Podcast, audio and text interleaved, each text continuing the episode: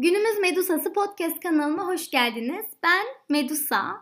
Bugün benim için çok önemli bir yayın yapıyorum. Çünkü e, Boğaz içindeki e, İngilizce derslerinden birinde okuduğumuz ve benim çok hayran kaldığım ve kendi hayatım için birçok sonuç çıkardığım bir köşe yazısından bahsedeceğim.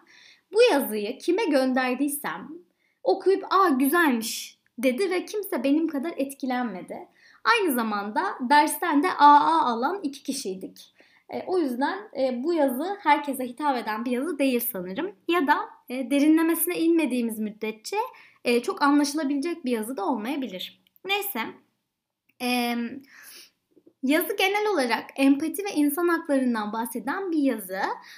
Yazarımız Allah Alasvani e, Mısırlı 60'lı yaşlarında bir aktivist, toplumsal gerçekçi bir yazar kendisi. Ben bu köşe yazısını çok beğenip gidip kendisinin Yakubiyan Apartmanı kitabında satın aldım. Yani bayıldım. E, hayatımda okuduğum en güzel kitaplardan bir tanesi. Kesinlikle öneriyorum. Özellikle Sabahattin Ali tarzı kitapları seviyorsanız, o tarz yazarları seviyorsanız buna bayılırsınız. Bu arada hiç internette falan böyle bir yorumla karşılaşmadım ama ben Allah Alasmani ve Sabahattin Ali'yi inanılmaz benzetiyorum. Neden? Sabahattin Ali'de de vardır yani bir 3-4 cümle de o kadar çarpıcı, o kadar sarsıcı şeyler anlatır ki. Yani bunun için sayfalar öldürmez. Zaten Sabahattin Ali'nin kitapları da inceciktir. Allah Allah Asmani de bence aynı şekilde birkaç cümlede inanılmaz güzel şeyler anlatıp sizin doğru bildiğiniz değerleri bir anda böyle sarsıyor. Ee, o yüzden zaten hani toplumsal gerçekçi yazarlarda da böyle bir tarz vardır. Ama özellikle Sabahattin Ali seviyor, seviyorsanız Allah Allah Asmani'yi de okumanızı öneriyorum. Şimdi Yakubiyan Apartmanı da çok güzel bir kitap ama ben bugün hani özellikle Yakubiyan Apartmanı'ndan değil e, Allah Asmani'nin How Literature Inspires Empathy e, yazısını anlatmak istiyorum. Şimdi bunun Türkçesi tam olarak nasıl oluyor? Edebiyat e, empatiyi nasıl geliştirir? Edebiyat e, empatiye nasıl ilham verir tarzı kötü şekilde çevirdim. Umarım anlamışsınızdır. Şimdi e, bu yazı genel olarak fanatikliğin ne kadar yanlış olduğundan, fanatikliğin edebiyattan nasıl ayrıldığından e, ve e, Mısır'daki diktatörlük rejiminden bahseden bir yazı. E, genel olarak zaten Allah Alasvani kendisi politik görüşüyle öne çıkan e, bir yazar kendisi. Aktivist kimliğiyle tanınan biri ve Mısır'daki e, rejimi oldukça yanlış bulan, bu rejimin tamamen karşısında duran e, biri. Şimdi ben bu yazının politik tarafından çok fazla bahsetmeyeceğim. Çünkü bu yazıyı ben kendi hayatımda uygulayabileceğim şekilde bu yazıdan bazı notlar çıkardım. Ve benim için önemli olan taraf bu. Ee, siz de bu yazıyı okursanız hani siz politik olarak da birçok mesaj alabilirsiniz. Ama ben hani şu anda e, politik çok da politik olmayan, e, politikayı çok da sevmeyen bir insan olarak e, bu kısımdan çok da anlamıyorum açıkçası. O yüzden e, çok da hani, ilgi duymadığım kısma girmek istemiyorum. Ama hani siz politika seven, e, işte gazeteciliğe merak duyan biriyseniz Allah Allah Asmani araştırmanızı şiddetle öneriyorum. Şimdi gelelim benim e, bu yazarın bu yazısındaki çok etkilendiğim birkaç cümleye. Şimdi yazı şu şekilde başlıyor. Dostoyevski'den referans vererek başlıyor. Dostoyevski'nin bir kitabında e, toplum için zararlı olarak kabul edilen, insanlara zarar vermiş suçlu biri ölüyor. Ve Dostoyevski orada onun da bir annesi vardı şeklinde bir cümle kuruyor.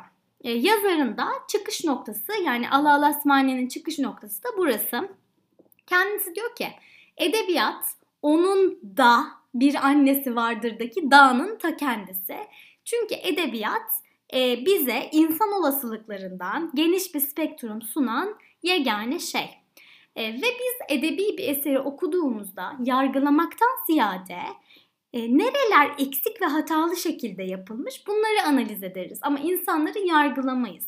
Çünkü insanlar iyi veya kötü değildir. Sadece belli durumlarda kötü şeyler yapabilirler e, diye e, böyle sağlam bir e, girizgahla e, başlıyor kendisi. E, aynı zamanda şundan da bahsediyor. E, bir roman okuduğumuzda o romanın karakterinin ırkı, dini, ten rengi vesaire bizim için önemli değildir. Sadece e, insanı insan olduğu için kabul ederiz. Onun insan olması bizim için önemlidir. Ve kendimize yakın, kendimize uzak noktaları analiz ederek o insanı yargılamadan anlamaya çalışırız. Ve e, bu da edebiyatı fanatiklikten uzaklaştıran yegane şeydir. Şimdi fanatiklik dediğimiz şey e, siyah ve beyaz ayrım yani ya tamamen siyahta olmak ya tamamen beyazda olmak. E, ya da şu şekilde düşünmek olarak da nitelendirebiliriz bunu. İnsanlar ya bizim tarafımızdadır ya bizim gibidir ya da bizim gibi değildir ve karşı taraftadır. Şimdi tam olarak karşı taraf diye nitelendirilen kısım fanatikliğin ta kendisi oluyor. Ve yazarımız Allah Alasmani'ye göre edebiyat ve fanatiklik birbirinden tamamen zıt iki şey. E, Allah Alasmani'ye göre fanatik bir insan edebiyatı anlayamaz. Edebiyatı anlayan bir insan da fanatik olamaz. E, böyle bir e, açıklama yapıyor kendisi. E, genel olarak fanatikliğin ne kadar yanlış olduğundan, e, ve e, spektrumun farklı kısımlarında olabileceğimizden ve bunun çok normal olduğundan bahsediyor. E, sonrasında da e, diktatörlük rejiminden biraz Mısır'daki politik durumlardan e, referans verip diktatörün bir edebi e, bir diktatörün edebiyatı neden kabul etmediğinden, diktatörlerin e, sanatçıyı, yazarları, edebiyat eserlerini neden takdir etmediğinden bahsediyor. Allah Asvani'ye göre edebiyatın insanların üzerindeki etkisi politikacılardan çok daha fazla ve aslında edebiyat insanlar için tam bir uyanış aracı, tam bir farkındalık aracı ve bu da diktatörlerin istemediği bir şey. Aslında biz bunu birçok distopik eserde falan da görürüz yani. O yüzden bu konuda da katılıyorum. Şimdi bu yazı benim neden hayatımı değiştirdi diye sorarsanız. Bu arada bu yazı benim gerçekten hayatımı değiştirdi. Çünkü ben zaten hayatta hiçbir zaman kendimi bir, bir tarafa ait hissedemem. Hayatta hiçbir zaman böyle bir kutupta olmadım. Hiçbir zaman fanatik milli, Türk milliyetçisi olmadım. Hiçbir zaman dindar biri olmadım. Hiçbir zaman e, bir görüşü tam olarak savunmadım yani. Hep şu şekilde yaklaştım. Yani ben böyle düşünüyorum ama sizin fikriniz nedir şeklinde yaklaştım ve insanları dinlemeyi her zaman kendim konuşmaktan daha çok e, tercih ettim. Çünkü e, ve aynı zamanda insanların konuşmalarına göre de fikirlerim değişebiliyor. Hiçbir zaman hiçbir fikri tam olarak benimsemiyorum ve kendimi hiçbir tarafa aslında tam olarak ait hissedemiyorum. E, ve aslında bunun e, hep bir dezavantaj olduğunu düşündüm. Çünkü yani şimdi mesela e, ben Antalya Lisesi mezunuyum. E, bu şey Antalya Anadolu değil. Kötü olan yani hani Antalya Lisesi. Anadolu olmayan. E, şimdi orada bizim e, işte basketbol maçları falan olurdu e, spor salonlarında. Ve işte Antalya Lisesi karşısında işte başka bir lise. E, ve benim arkadaşlarım işte Antalya Lisesi sloganları atarlardı. Şarkılar, türküler işte tam bir maç havası yani. Ve ben orada hiç o marşı söylemedim. Yani hep de maçlara gittim. Eksik kalmadım ama hiç Antalya Lisesi'nin kazanmasını istemedim ya da karşı tarafın kazanmamasını istemedim. Bana ne yani ben oynamıyorum sonuçta. Ben oynasam onu ister miydim? Hani isteyebilirdim şimdi bilmiyorum. Ama bana hep şu geldi, şu mantıklı geldi. Yani benim puanım 5 puan düşük ya da 5 puan yüksek olsa ben şu anda karşı tarafın e, tarafında oturuyor olacaktım ve onların marşını söyleyecektim. Ya yani o zaman şu anda benim burada bunu fanatik şekilde savunmamın ne anlamı var? Yani benim hiçbir zaman içimden o marşları söylemek gelmedi. Hiçbir zaman da söylemedim. Ve aslında hep de bir dışlandım yani bu e, kendimi hiçbir yere ait hissedemediğim için insanlar tarafından böyle hep bir tamam sen bir kenarda dur e, arkadaşlığı yapan biri oldum. E, hiçbir yerde böyle tam olarak tutunamadım diyebilirim. Zaten e, lise sonunda da farklı bir okula geçtim. Yani o farklı bir okula geçtiğimde orada da yani e, hiçbir zaman fanatik söylemlerde bulunmadım. E, gibi gibi yani ben hayatım boyunca hiç fanatik bir yerde durmadım. Ben hayatım boyunca hiç bir yerde durmadım. E, ve bunun hep dezavantaj olduğunu düşünüyordum. Çünkü yani e, aslında solcu bir aileden geliyorum. Yani solcu dediğim aslında artık çok sağ ve sol da çok kalmadı aslında ama hani daha böyle hani Atatürkçü olarak değerlendirilebilecek e, aslında şu anda yani hani aydın görüş diye değerlendirebileceğimiz bir aileden geldim. Ama ben hiçbir zaman fanatik Atatürkçü de olmadım. Ben hiçbir zaman fanatik sağcı da solcu da yani ben kendimi hiçbir yere ait hissedemedim sonuç olarak. Ha, benim için her tarafın doğru ya da yanlış yaptığı şeyler vardır. Ee, ve benim için şu anda yani fanatik sağ eşittir fanatik sol. Fanatik dindarlık eşittir fanatik ateistlik gibi geliyor. E, ve bu yazı benim bu düşüncelerimi pekiştiren bir yazı oldu.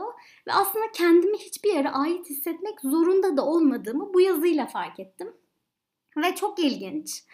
E, ırkçılık yaptığımı bu yazıda fark ettim. Şimdi benim ailem baba tarafım Musevi e, İspanyol Musevisi olarak geçiyor. Seferat deniyor bizim ailemize. Ben şimdi çocukluğumda biraz da hani baba tarafımın da korkutmasıyla hiçbir zaman bu kimliğimi arkadaşlarıma anlatmadım. Neden? Dışlanırsın, seni kabul etmezler gibi korkutmalarla arkadaşlarıma hiçbir zaman tam olarak kimliğimi yansıtamadım. E, yansıttığım arkadaşlarım da gerçekten babamın söylediği gibi gerçekten mi? Nasıl yani? Sen şimdi şöyle misin? Sen böyle değil misin? gibi beni çok e, dışladılar. E, beni bir kutuplaştırdılar. E, ve o yüzden ben bu kimliğimi hiçbir zaman tam olarak böyle açık ağız şekilde söyleyemedim. Hiçbir zaman haykıramadım bunu yani. E, ve insanların e, işte dindar kesimden gelen ya da e, o dönem işte İsrail-Filistin olayları yaşandığında e, işte Musevi herhangi bir Musevi Türk vatandaşını İsrailli zannetmesi ve İsrail'in eylemlerinden o Türk Türk Musevi vatandaşı sorumlu tutması e, çok yaşanan bir şeydi o zaman. Hala da yaşanıyor olabilir. Ben artık hani çok ilgilenmiyorum bu konularla. E, ve ben o zaman onlara şunu söyleyemiyordum. Yani benim İsrail'li bir tanıdığım yok, bir akrabam yok. Ben İsrail'de doğmadım. Öyle olsa bile ben İsrail'in politikacısını belirlemedim. Ben İsrail'de oy kullanmadım. Benim ailem oy kullanmadı. İsrail'in yaptığı politikalardan ben sorumlu tutulamam. Aslında şu anda da böyle düşünüyorum. O zamanda da öyle düşünüyordum ama bunu ben kimseye anlatamıyordum. E, ve bir dışlanma söz konusuydu. E, zaten hani farklılıklara saygı duyulmadığı için hep kendimize benzemeyen insanları eleştirme, eleştiri bombardımanına tutma e, eğilimindeyiz hepimiz. Ve ben çocukluğumdan beri bu tarz ırkçı insanların ne kadar kötü olduğunu düşünerek büyüdüm. Şimdi zaten burası okey yani hani e, onlar ırkçı ama kendim de ırkçı olduğumu bu yazıyı okuduktan sonra fark ettim. Şimdi ben hiçbir zaman nedense Arapları sevemedim. Yani neden bilmiyorum. Ee, şundan da olabilir. Ben Şişli'de yaşıyorum. Şişli'de çok Arap var. E, ve e, yani mağazalarda tamamen Arapça şarkılar çalar. Her yerde Arapça konuşan turistleri duyarsınız. Yani sizin önünden bile geçemeyeceğiniz mağazalardan Arap turistler poşet poşet alışveriş yaparak çıkmış olur. Biraz da sanırım hani Türkiye ekonomisinin getirdiği e, durumla biraz da kıskançlıkla beraber ben hiçbir zaman Arapları sevemedim ya da ben işte bu kara peçe takan insanlara ay bu ne hamam böcekleri falan denilen bir e, ortamın da içinde bulunduğum için kendim de buna inanıyordum. E, ama bu yazıyı okuduktan sonra şunu fark ettim ki aslında insanların Musevi olduğum için beni e, dışlamasıyla benim sokaktan geçen bir Arap'ı sevmemem arasında hiçbir fark yok. Yani aslında ben ırkçıları e, ayıplarken kendim de bir ırkçılık yaptığımın farkında değilim. Bunun sebebi şu, e, bana karşı ırkçılık yapan insanlar sağ kesime daha yakın. E, ben sol kesime daha yakın olduğum için kendimce e, işte türbanlı ne bileyim e, kara peçeli falan insanlar ay böyle olur mu falan derken aslında biraz burun kıvırırken e, aslında fanatik sağcılardan hiçbir farkım olmadığını, işte fanatik milliyetçilerden, fanatik dindarlardan hiçbir farkım olmadığını bu yazıyı okuduktan sonra anladım. E, ve bu konu üzerinde çalıştım yani. Gerçekten hani bende bu e, düşmanlık, bu ırkçılık nereden geliyor, bunun kaynağı neresi, ben bunu nasıl aşabilirim şeklinde e, bu konuda e, düşün, düşünmem gerekti e, ve aksiyon almam gerekti. E, ve şu anda şunu söyleyebilirim ki e, yani Arap düşmanlığı eşittir Yahudi düşmanlığı, eşittir Alevi düşmanlığı, eşittir Kürt düşmanlığı gibi gibi devam ediyor. E, her şekilde ırkçılık ırkçılıktır. Irkçılığın dini, dili, işte ırkı falan da yoktur. Yani her şekilde ırkçılık ırkçılıktır ve ırkçılığın e, motivasyonu da fanatiklik aslında. Yani e, biz fanatiklikten uzaklaştığımızda insanların mesela denir ya Araplar pistir, Avrupalılar ırkçıdır, Yahudiler cimridir, işte Aleviler işte neyse yani hani şimdi hatırlamıyorum ama hani hala da e, Sünniler ve Aleviler arasında anlamlandıramadığımda bir kavga var ama e, fanatiklik fanatikliktir ve e, biz ırkçılıktan uzaklaşmak istiyorsak her şeyin başında fanatiklikten uzaklaşmalıyız. Ve ben bu yazıyı okudum. E, bu yazıyı okuduktan sonra kendi yaptığım ırkçılığın da gerçekten bana yapılan ırkçılık kadar yanlış olduğunu fark edip e, çok daha e, anlayışlı, insan haklarına özen gösteren, empati kurmayı bilen ve e, insana insan olduğu için saygı duyan bir haline geldim. E, ve şu anda çok gurur duyuyorum. Yani e, bu arada o AE dersinden yani bizim bu metni okuduğumuz dersten AA ile geçen biz iki kişiydik yani 40-50 kişilik sınıfta sadece ben ve işte şu anda ismini hatırlamadığım başka bir arkadaşım AA ile geçti. Ee, ya bence bu boşuna değil yani bu metni okuyup aa güzelmiş diye geçmedim hiçbir zaman. Bu metni analiz ettim. Allah Allah Asmani'nin düşüncelerini anladım. Kendisini anladım. Başka bir kitabını okudum. Farklı yazılarını okudum derken e, iyi ki bu dersi almışım. İyi ki bu yazarla tanışmışım. Çok mutluyum. Çünkü e, tıpkı Allah Asmani'nin de söylediği gibi e, ben bu yanlışımı edebiyat sayesinde fark ettim. E, gerçekten Allah Asmani'nin de söylediği gibi edebiyatın benim üzerimdeki etkisi çok büyük. E, ve şu anda bu noktada olduğum için çok mutluyum. Öz eleştiri yapabildiğim için de çok mutluyum.